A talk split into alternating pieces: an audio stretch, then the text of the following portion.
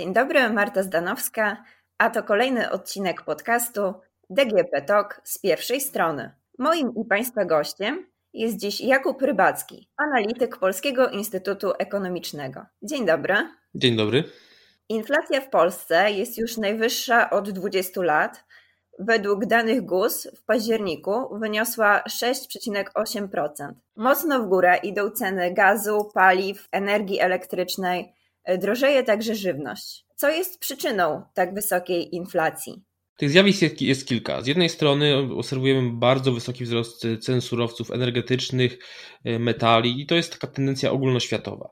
To oczywiście odczuwamy najmocniej na stacjach paliw. Tutaj wzrost ceny jest, jest y, tym, co bardzo mocno podnosiło inflację. W zasadzie od początku tego roku, jeszcze w ubiegłym roku za mm, baryłkę ropy płaciło się 6 dolarów, dzisiaj to jest 85 dolarów, no to ta różnica jest odczuwalna także w momencie tankowania. Wraz z surowcami energetycznymi także bardzo mocno surowce rolne i tutaj przyczyn jest kilka. No, z jednej strony zdecydowanie ceny zboża na rynkach światowych kontynuują trend wzrostowy, ten indeks V jest, jest obecnie około 30% wyższy niż rok temu, ten indeks obrazuje jak zachowują się ceny żywności globalnie.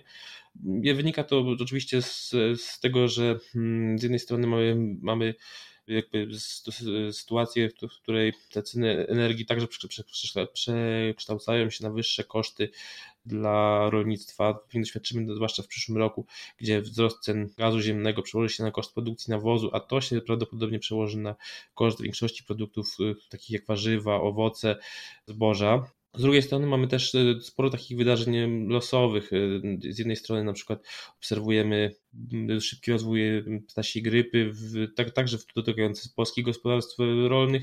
Z drugiej strony też to, oczywiście problem jest ASF, który dotyka produkcję wieprzowiny to ma swoje przełożenie na, na wyższe ceny i tutaj jakby te ceny bardzo dynamicznie rosły od, od drugiej połowy tego roku i prawdopodobnie ta tendencja zostanie utrzymana także w kolejnym roku, a być może nawet długotrwale, to tu oczywiście wszystko będzie zależało od tego, jak długo ceny gazu ziemnego będą zdecydowanie wyższe niż, w ubiegłych latach. To powiedzmy jest taka jedna ta noga tego, tego wzrostu inflacji, czyli to właśnie ten wzrost, wzrost surowców rolnych, wzrost cen surowców energetycznych. No, a z drugiej strony jakby obserwujemy bardzo dynamiczne odbicie hmm, gospodarki.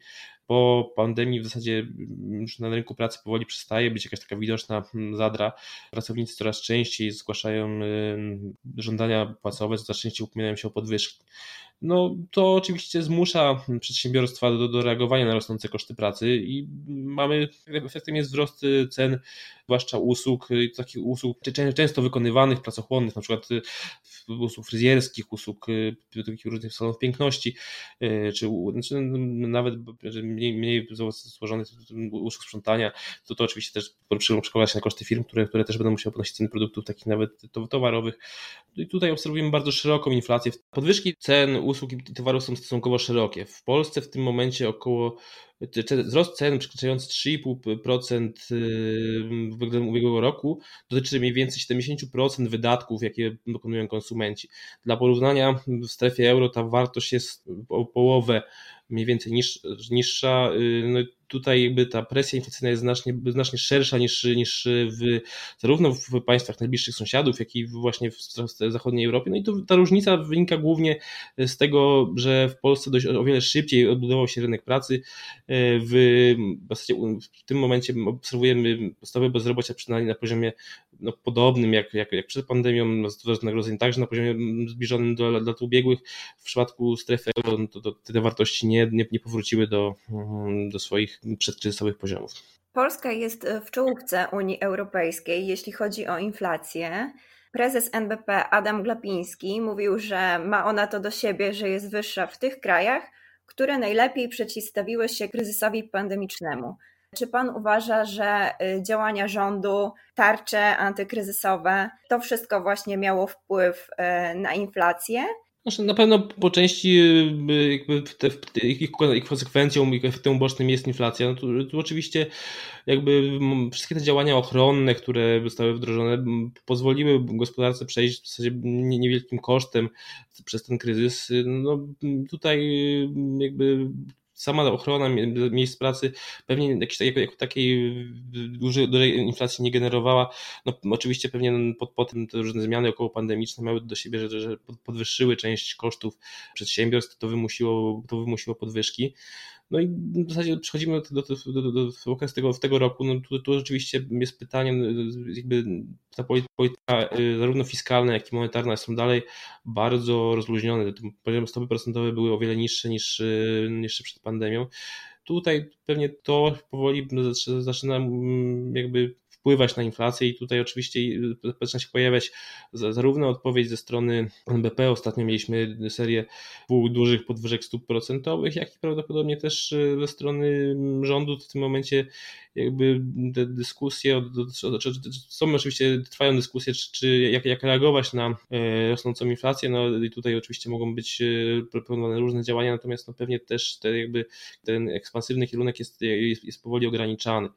Także mm, no, rosnąca inflacja będzie teraz wymagała dostosowań zarówno po stronie polityki e, monetarnej, czyli Narodowego Banku Polskiego, jak i, jak i polityki fiskalnej, polityki wydatkowej, czyli po stronie rządu. A czy spodziewa się Pan dalszego podnoszenia stóp procentowych, bo tego obawiają się kredytobiorcy?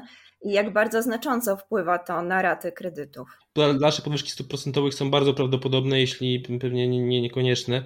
Yy, my spodziewamy się, że ta stopa procentowa będzie zdecydowanie wyższa niż yy, przed pandemią. Wtedy to była to 1,5%, teraz pewnie będziemy mieli około 2,5%, może nawet więcej, chociaż pewnie niewiele więcej tutaj wzrost rat, no jakby, mm, jeżeli ta, ostatnia podwyżka 85 punktów, no to, no to pewnie to, to jest dodatkowe 200, było dodatkowe 200 zł dla osoby, która ma kredyt w okolicach pół miliona mm, złotych. Prawdopodobnie kolejny wzrost 85 punktów będzie możliwy przez najbliższe jedno-dwa posiedzenia, czyli, czyli podobną kwotę raty mogą wzrosnąć gdzieś na początku y, przyszłego roku. Docelowo no to pewnie mm, po tych kolejnych dwóch posiedzeniach to, to, to, to już ten cykl ulegnie, cykl podnoszenia stóp procentowych prawdopodobnie ulegnie wygaszeniu i tutaj te, jakby te wzrost kosztów będzie, ten wzrost kosztów będzie najbardziej dotkliwy w najbliższych miesiącach, ale potem to się, ta, ta tendencja się trochę ustabilizuje i, i, i pewnie już te koszty będą rosnąć mniej albo przestaną rosnąć. To, to, oczywiście zależy od tego, jak, w, jak, w, jakiej, w jakim momencie RPP będzie podnosiła stopy procentowe. Ja bym chciałam też dopytać, czy inflacja jest e, zdecydowanie zjawiskiem e, niekorzystnym i czy już tak wysoka, jaką mamy obecnie, e, czy jest powodem do jakiegoś bardzo dużego niepokoju, bo uważa się, że wzrost cen, osłabienie wartości pieniądza nie jest za dobre, ale wspominał Pan też o tym, że rynek pracy mamy na dobrym poziomie, jest niskie bezrobocie stosunkowo, więc czy inflacja jest jednoznacznie neg negatywnym zjawiskiem? Znaczy, na pewno inflacja będzie powodować dużo, dużo różnorakich ryzyk. Z jednej strony będziemy obserwowali prawdopodobnie e, coraz bardziej ryzykowne zachowania inwestycyjne bardziej zamożnych gospodarstw domowych. No i tu możemy mieć e, dwie takie bardzo ważne zmiany. Z jednej strony więcej środków będzie lokowane na, na rynki nieruchomości, na kupowanie mieszkań pod wynajem. To pewnie prowadzi do wzrostu cen, cen nieruchomości mieszkaniowych, to pewnie obniża dostępność mieszkań dla, dla powiedzmy ludzi młodych, dla ludzi, którzy starają się po, po, po, pierwsze mieszkanie. Y, no i tu to pewnie jest tak trochę, to, to, to oczywiście pewnie jest taki społeczny koszt tej rosnącej inflacji. Z drugiej strony no, też możemy obserwować y, coraz bardziej ryzykowne zachowania na rynkach aktywów finansowych, typu inwestowanie w obligacje korporacyjne o wysokim ryzyku bankructwa. No tu może, tu może do, dojść do, do częstszych problemów takich zbliżonych do, tego, co obserwowaliśmy z, z czy, czy Getbackiem, gdzie po prostu gdzie, gdzie pojawiały się podmioty, które, które jakby świadczyły usługi o, wysokim stopniu ryzyka, i potem część osób, które tutaj zainwestowała w te obligacje, e, no, no będzie musiała tych pieniędzy nie, nie odzyska po, po momencie, kiedy, kiedy te podmioty przestaną, przestaną funkcjonować. Tak? Oczywiście no, z, z punktu widzenia pracowników, o ile ta inflacja nie jest, nie jest jakoś bardzo długotrwała i nie jest jakoś bardzo mocna, no to, no to fakt tego, że, że nie doszło do zwolnień, nie, nie, nie doszło do, do, do strat zatrudnienia, pewnie jest, jest no, jakimś tam mniej, mniej bolesnym skutkiem niż gdyby miałoby, gdybyśmy mieli mieć problemy z poszukiwaniem, ze znalezieniem pracy. A czy w tej sytuacji rząd y, powinien wstrzymać transfery socjalne? i też czy zmiany podatkowe w Polskim Ładzie pomogą w tym momencie naszej gospodarce, czy raczej zaszkodzą? E, zmiany w Polskim Ładzie prawdopodobnie będą trochę proinflacyjne, to nie, to nie, to nie są wielkie kwoty. To jeżeli byśmy pewnie poszukiwali tego wpływu, no to by, by się, byłby sporo poniżej połowy punkta procentowego. W tym momencie takie zaskoczenia pojawiają się powiedzmy przez ostatnie trzy miesiące, to się, to się pojawiały z około 0,3 punkta co miesiąc i one były raczej związane z cenami energii i raczej związane z cenami usług, więc tutaj bardziej takim czynnikiem bardziej dominującym niż zmiany podatkowe to bym powiedział jednak jest, jest taki systematyczny wzrost płac i rosnące koszty pracy. Czy tutaj czy może dojść do wstrzymania transferów? Wydaje, to znaczy jest to dla mnie dość mało prawdopodobny scenariusz i też prawdopodobnie niekorzystny, no jakby nie sądzę, żeby tutaj, czy tak z jednej strony te transfery kierowane do, do gospodarstw domowych prawdopodobnie trochę bardziej stymulują inflację niż, niż gdyby ich nie było, no ale jednak także zapewniają, rozwiązują bardzo dużo problemów społecznych, na przykład ubóstwo dzieci, to jakby wydaje mi się, że ten, ten bilans jest y, dość y, jednoznacznie dodatni. A podwyżek y, czego możemy się spodziewać w 2022 roku? Jak wysokich, bo mówi się o bardzo dużych podwyżkach cen energii, gazu. Tak, zdecydowanie. Ceny energii elektrycznej prawdopodobnie wzrosną na początku roku i będzie to wzrost miał rząd 12%. Te wartości pewnie oscylować będą około 10 do 15. To oczywiście decyzja należy od y, Urzędu Regulacji Energetyki. Na pewno będziemy obserwowali też y, podwyżki taryf gazowych. No tutaj y, oczywiście ich kształt i wysokość będzie zależna od tych regulacji antyinflacyjnych, które mm, zarekomenduje Sejm czy rząd. Jakby te, te bieżące informacje prasowe sugerują, że dojdzie do, do ograniczenia do takiego wzrostu no, do, do, powiedzmy 25% w skali rok do roku. To będzie pewnie wiązało się z jakimś tam stopniowym podnoszeniem rachunku o mniej więcej 7% co kwartał to na pewno będzie to odczuwalna wielkość y, dla gospodarstw domowych. No niemniej jednak no, taka, ten, ten niedobory gazu uderzają w całą Europę i ta tendencja jest widoczna we wszystkich krajach. Warto mieć świadomość, że też w Polsce na przykład te zapasy gazu są, są w miarę przyzwoitym poziomie. Na, to, to tyle w Hiszpanii czy, czy w Wielkiej Brytanii to, to ten kryzys uderza znacznie mocniej. Te ceny też rosną bardzo dynamicznie. Ponadto prawdopodobnie no, no, dalej będzie rosły ceny usług i towarów przemysłowych i tutaj tu oczywiście mm, no nie będzie to tak, skokowe jak w przypadku decyzji taryfowych, natomiast y, też spodziewamy się, że większość tych cen, cen usług, że tutaj wzrost tak zwanej inflacji bazowej, która właśnie obejmuje te usługi oraz towary przetworzone, no to będzie dalej systematycznie wynosił w przyszłym roku 4%. Mamy obecnie czwartą falę pandemii. W tej chwili rząd wstrzymuje się z tak mocnymi obostrzeniami, z jakimi mieliśmy do czynienia rok temu. Teraz pytanie, czy gdyby rząd y, znów się zdecydował na lockdown, czy na jakieś lockdowny regionalne, to co w tej sytuacji z naszą gospodarką? Tutaj jakby, jeżeli patrzymy na to, co się działo w, zarówno, zarówno w listopadzie ubiegłego roku, jak, jak i na początku tego roku, no to te restrykcje już miały coraz mniejszy wpływ na aktywność.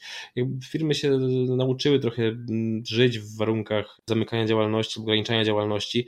Tu oczywiście doszłoby do, do pewnego spowolnienia, ale najprawdopodobniej nie byłoby już, już tak y, mocne, jak, jak, jak, jak mieliśmy to rok temu też chyba nie ma przyzwolenia na to, żeby, żeby, żeby jednak tak mocno zamykać działalność, zwłaszcza, że jakby sytuacja jest y, o, tyle dobra, że coraz, że nawet pojawienie się częstszej liczby zakażonych coraz, coraz rzadziej skutkuje bardzo silnym przebiegiem choroby. Te liczby osób, które, które znajdują się na łóżkach szpitalnych, mających ścisłej, ścisłej ochrony, no, są zdecydowanie mniejsze niż y, rok temu, chociaż no, oczywiście ostatnie tygodnie przynoszą taki, taki wyraźny wzrost. A jakie są jeszcze prognozy na przyszły rok, na 2023 też być może? Mówi się, że inflacja może przebić poziom 7%, ale że później jednak zacznie spadać. Tak, inflacja prawdopodobnie przebije ten poziom, może już nawet za miesiąc, bądź na pewno zrobi to w grudniu. Y, natomiast pewnie no, ten grudzień to będzie jeden z, wyższych y, wyników. No, w przyszłym roku ten trend powinien być spadkowy, niemniej jednak ten spadek no, będzie raczej bardzo umiarkowany prawdopodobnie ten wzrost cen w przyszłym roku dalej będzie zbliżony do 5,5%, czyli zdecydowanie wyżej niż wynosi dopuszczalna y, granica dla celu MBP, no to jest to, to przypomnijmy 3,5%. Prawdopodobnie te, te, tego powrotu do, do, do wewnętrznego dopuszczalnego pasma Wachen też nie dojdzie w roku 2023. Spodziewamy się, że te ceny dalej będą rosnąć w tempie zbliżonym do 4%. Także no, perspektywa mm, inflacji jest jak na razie negatywna. Mamy, mamy do czynienia z dość szerokim wzrostem cen. Tutaj zarówno tu rosną, rośnie rosną zarówno ceny energii, ceny żywności, jak i ten, ta tak zwana inflacja bazowa, czyli, czyli ceny usług i towarów przemysłowych, które też nie powinien bardzo niepokoić Narodowy Bank Polski, no który jakby pewnie wymusza teraz y, głównie podwyżki stóp procentowych. Spodziewamy się, że w tym wypadku ta dynamika będzie dalej zbliżona do 4% w tym w przyszłym roku 2022 i y, niewiele niższa, gdzieś około 3,5% w 2023 roku. A czy można spodziewać się wzrostu płac w takim razie? Zdecydowanie tak, bo dynamika płac jest dość wysoka, to, to są wyniki, że zbliżone do 8% i spodziewamy się, że taka tendencja się utrzyma w kolejnych kwartałach, prawdopodobnie też y, w kolejnych latach. No jakby w tym momencie w Polsce problemy z rekrutacją, problemy z niedoborem pracowników są jednymi z szerszych w, w Europie. To wymusza na mm, przedsiębiorstwach konieczność y, oferowania coraz wyższych wynagrodzeń. Stąd y, jakby dalej obserwujemy częste żądania płacowe, częste podwyżki. Badanie NBP, szybki monitoring wskazuje, że w zasadzie jesteśmy blisko poziomów sprzed pandemii, tak więc tutaj ten kierunek jest dość jednoznaczny, będziemy mieć jednocześnie wysoki wzrost wynagrodzeń i wysoki wzrost inflacji. Jednak są jakieś trochę optymistyczne prognozy na koniec. Że wydaje mi się, że zarówno wzrost wynagrodzeń, jak i mm, sama aktywność gospodarcza będą rosły w kolejnych latach e, dość szybko.